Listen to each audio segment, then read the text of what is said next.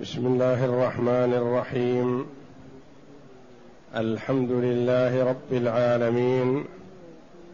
والصلاة والسلام على نبينا محمد وعلى آله وصحبه أجمعين. وبعد.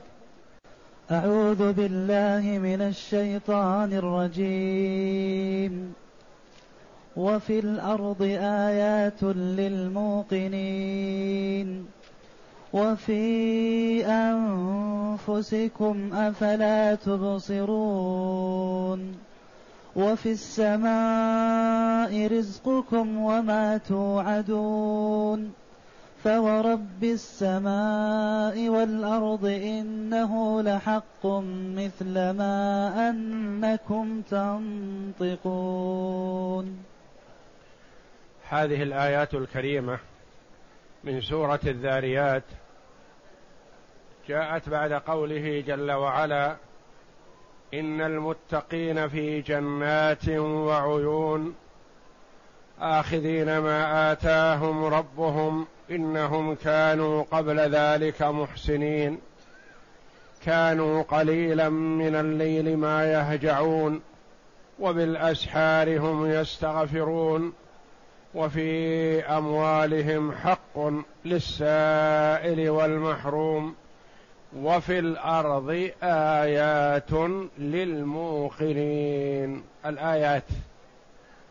بعدما ذكر جل وعلا حال أهل الجحيم وذكر بعدهم حال المتقين أهل النعيم ذكر بعد ذلك جل وعلا الأدلة الواضحة الجلية الظاهرة على قدرته سبحانه وتعالى والقادر على خلق هذه الأشياء قادر على البعث من باب أولى.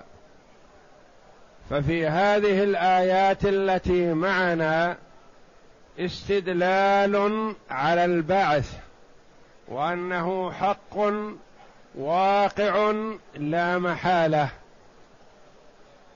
يقول جل وعلا وفي الأرض آيات للموقنين. في الأرض جار ومجرور خبر مقدم. والمبتدأ المؤخر آيات للموقنين. آيات للموقنين. آيات دالة.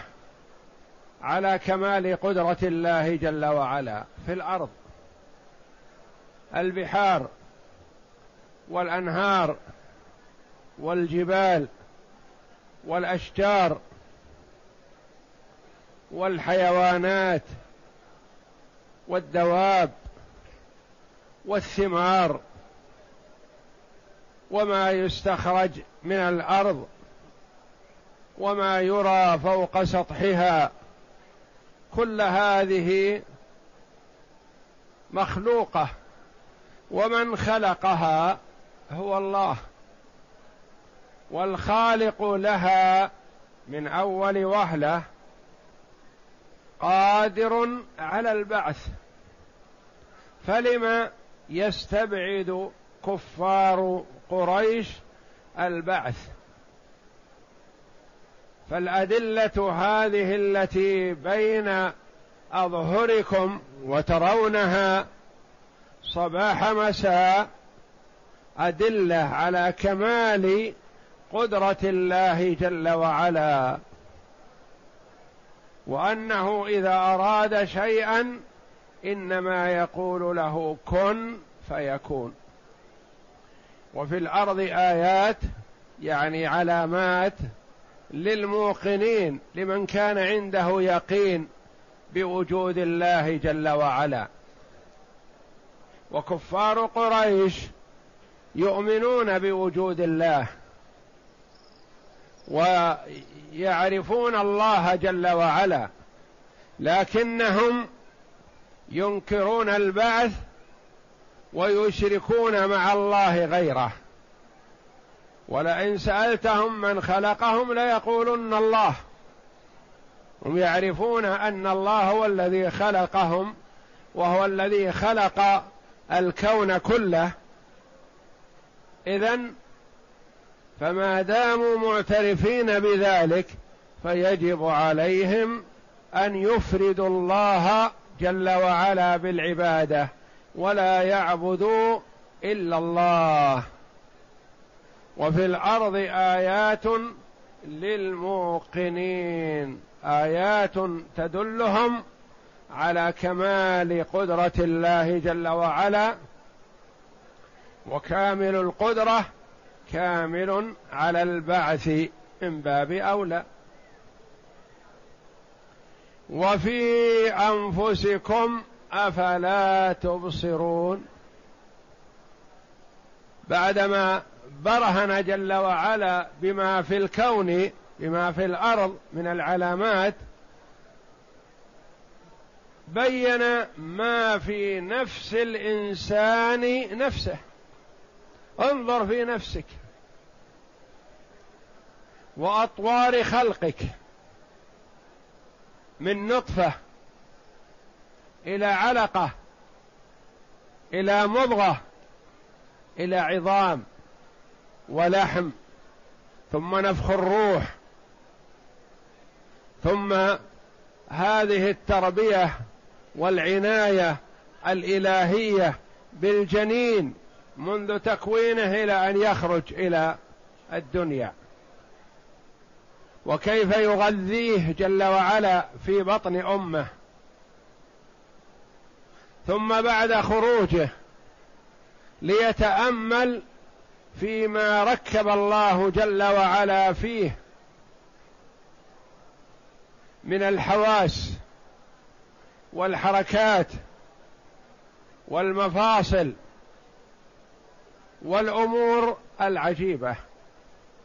انظر إلى حاسة السمع حاسة البصر حاسة الشم حاسة الذوق الحركة بالأيدي والأرجل كيف ركب الله جل وعلا خلقة الإنسان على هذه الخلقة الحسنة وجعله ينتفع بجميع ما في جسمه. كل شيء منه له وظيفة خاصة. ويتأمل في أكله وشربه ودخوله إلى بطنه وتوزعه بين منافع الجسم ثم ما يبقى منه ويفضل وما هو لا خير فيه كيف خروجه. كيف ميز الله جل وعلا بين مخرج البول من مخرج الغائط والمدخل واحد والمخرج متنوع. وفي أنفسكم أفلا تبصرون؟ يتأمل الإنسان ما فيه من الحواس وما فيه من الأعضاء وما فيه من الأجزاء القلب فائدته ومنفعته الكلية. أجهزة عظيمة يتخذها المخلوق إذا تعطلت هذه الكلية الصغيرة كيف يحتاج إلى هذه الأشياء العظيمة لتقوم بوظيفة هذه الكلية الجزء الصغير. والرئة والكبد والكلية والأمعاء. وكل له وظيفة وهذه العروق الموزعة في جسم الإنسان. ما منها ما هو يوصل الدم ومنها ما هو يسحبه.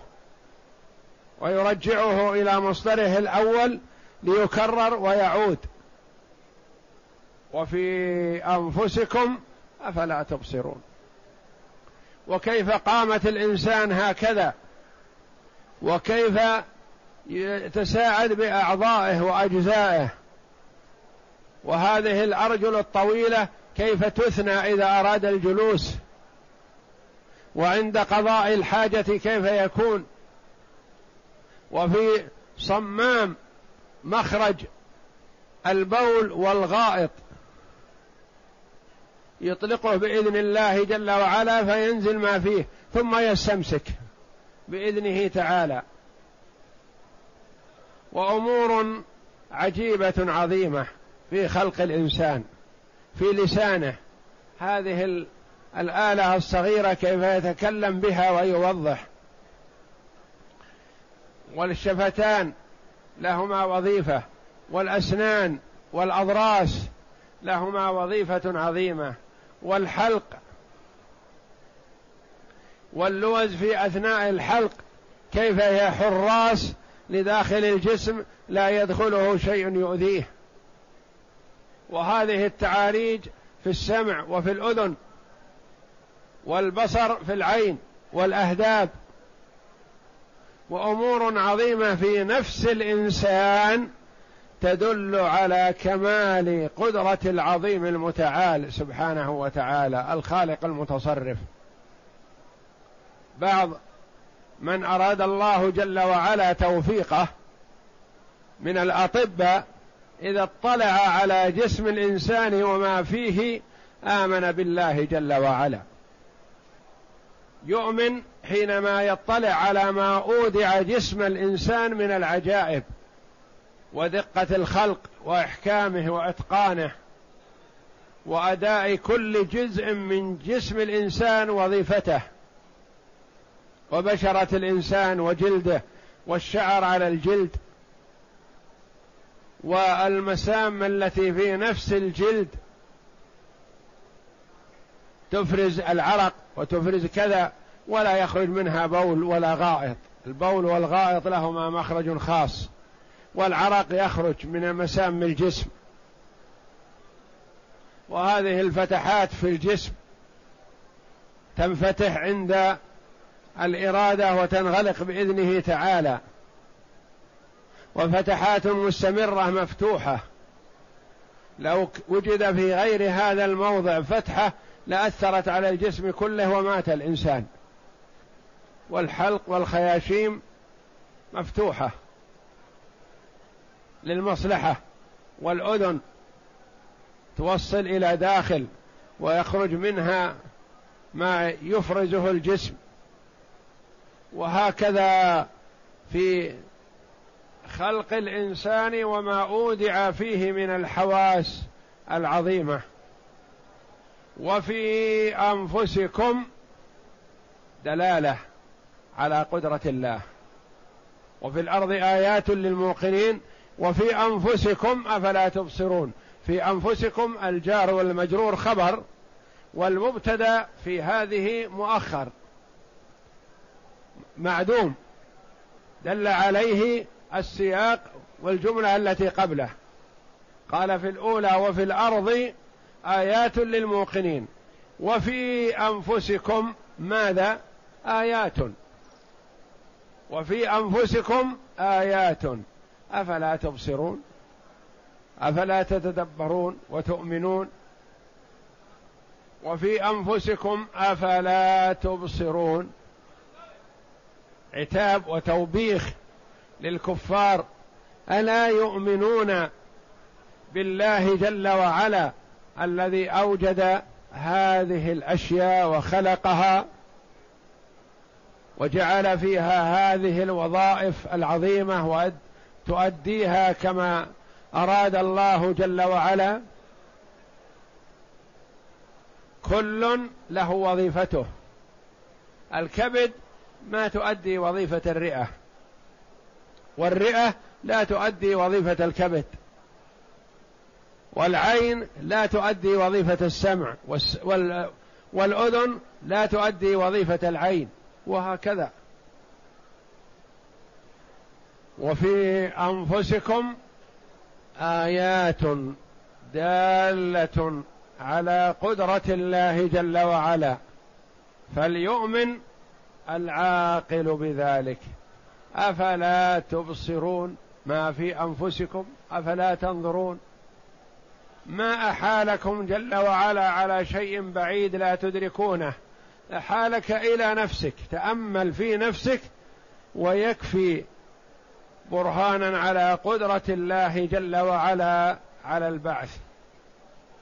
يقول تعالى وفي الأرض آيات للموقنين أي فيها من الآيات الدالة على عظمة خالقها وقدرته الباهرة مما قد ذرأ فيها من صنوف النبات والحيوانات والمهاد والجبال والقفار والأنهار والبحار واختلاف ألسنة الناس وألوانهم وما جبلوا عليه من الإرادات والقوى وما بينهم من التفاوت في العقول والفهوم والحركات والسعادة والشقاء وما في تركيبهم من الحكم في وضع كل عضو من أعضائهم في المحل الذي هو محتاج إليه. ولهذا قال وفي أنفسكم أفلا تبصرون؟ قال قتادة من تفكر في خلق نفسه عرف أنه إنما خلق ولينت مفاصله للعبادة. ثم قال وفي السماء رزقكم يعني المطر. وفي السماء رزقكم وما توعدون. في السماء التي هي العلو. فكلمة السماء تطلق على العلو. وتطلق على الأجرام أجرام السماوات السبع. وفي السماء فيه المطر والسحاب.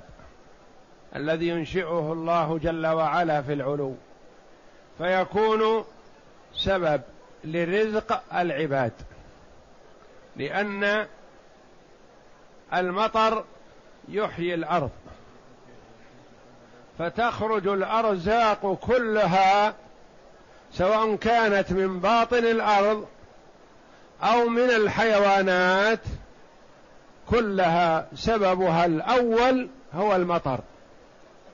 فالمطر يحيي الأرض فتنبت. الحيوانات تأكل مما في الأرض وتدر وتنمو وتلد وهكذا. فكل رزق مبدأه ومنشأه وسببه الأول هو المطر النازل من السماء بإذن الله. وفي السماء رزقكم. وما توعدون. ما وعدتم به من الجنة ونعيمها والنار وعذابها لمن عصى الله. ما وعدتم به من الثواب والعقاب. ما وعدتم به من الحشر والنشر كله من السماء يأتي من الله جل وعلا. وفي السماء رزقكم وما توعدون والذي وعدتم به. ثم لما برهن جل وعلا على كمال قدرته أقسم بذاته جل وعلا. وأخبار الله جل وعلا كلها صدق. ومن أصدق من الله قيلا ومن أصدق من الله حديثا حتى وإن لم تقترن بالقسم. لكن الله جل وعلا كثيرا ما يقسم على للعباد من باب التأكيد. فقال جل وعلا فورب السماء والأرض إنه لحق مثل ما أنكم تنطقون.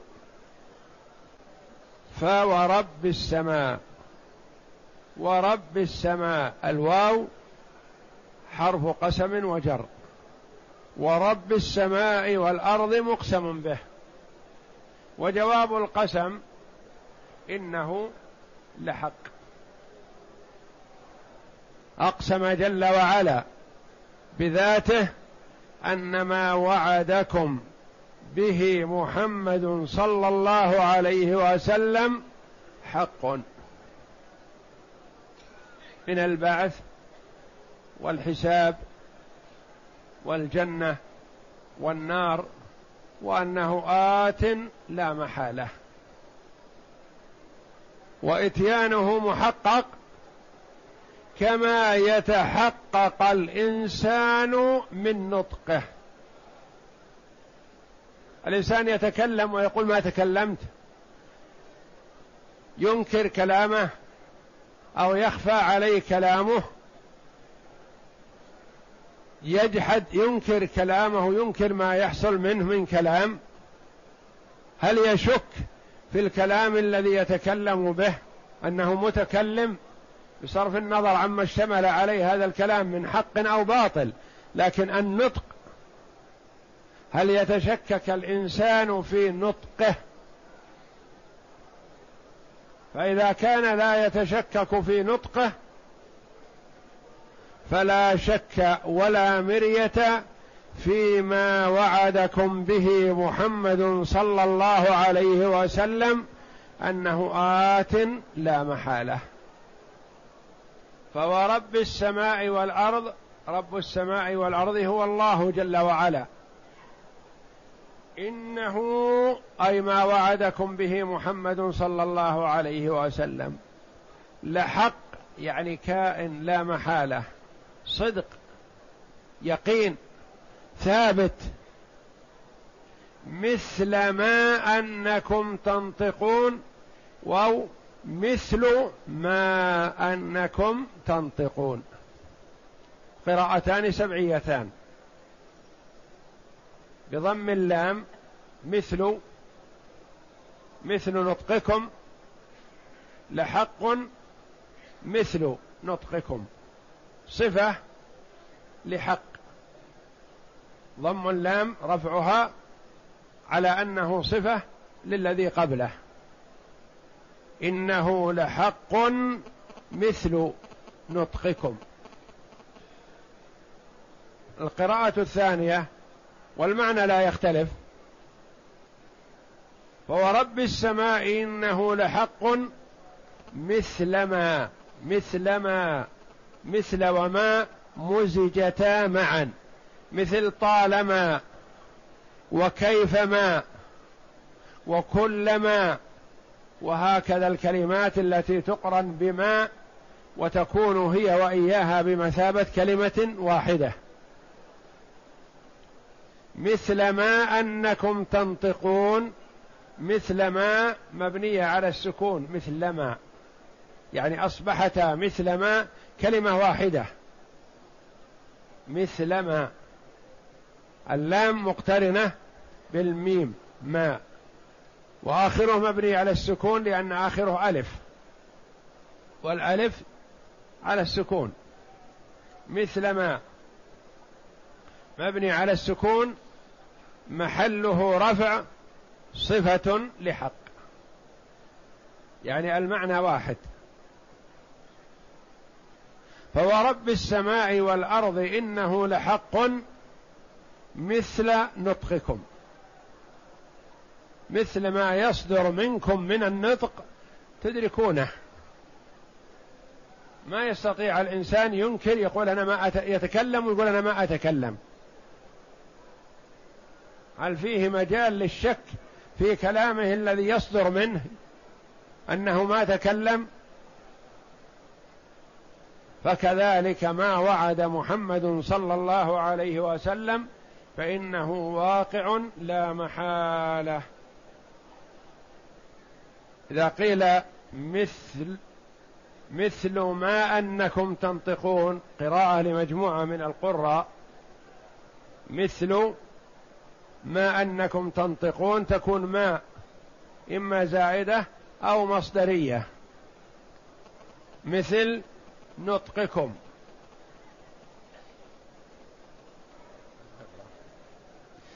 وفي السماء رزقكم وما توعدون. يعني الجنة؟ قال ابن عباس ومجاهد وغير واحد. فورب السماء والأرض إنه لحق مثل ما أنكم تنطقون. يقسم تعالى بنفسه الكريمة أن ما وعدهم به من أمر القيامة والبعث والجزاء كائن لا محالة.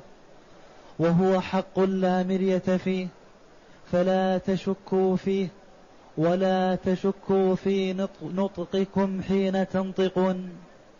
وكان معاذ رضي الله عنه إذا حدث بالشيء يقول لصاحبه إن هذا لحق كما أنك ها هنا. يقول يعني بالشيء الثابت يشبهه يقول هذا يقين مثل ما أنك الآن جالس عندي. لا أشك في هذا كما لا أشك في جلوسك عندي. أو مثل ما أنك تمشي. أو مثل ما أنك تنطق. يعني هذا شيء لا مجال للشك فيه. والله أعلم. وصلى الله وسلم وبارك على عبده ورسول نبينا محمد. وعلى آله وصحبه أجمعين.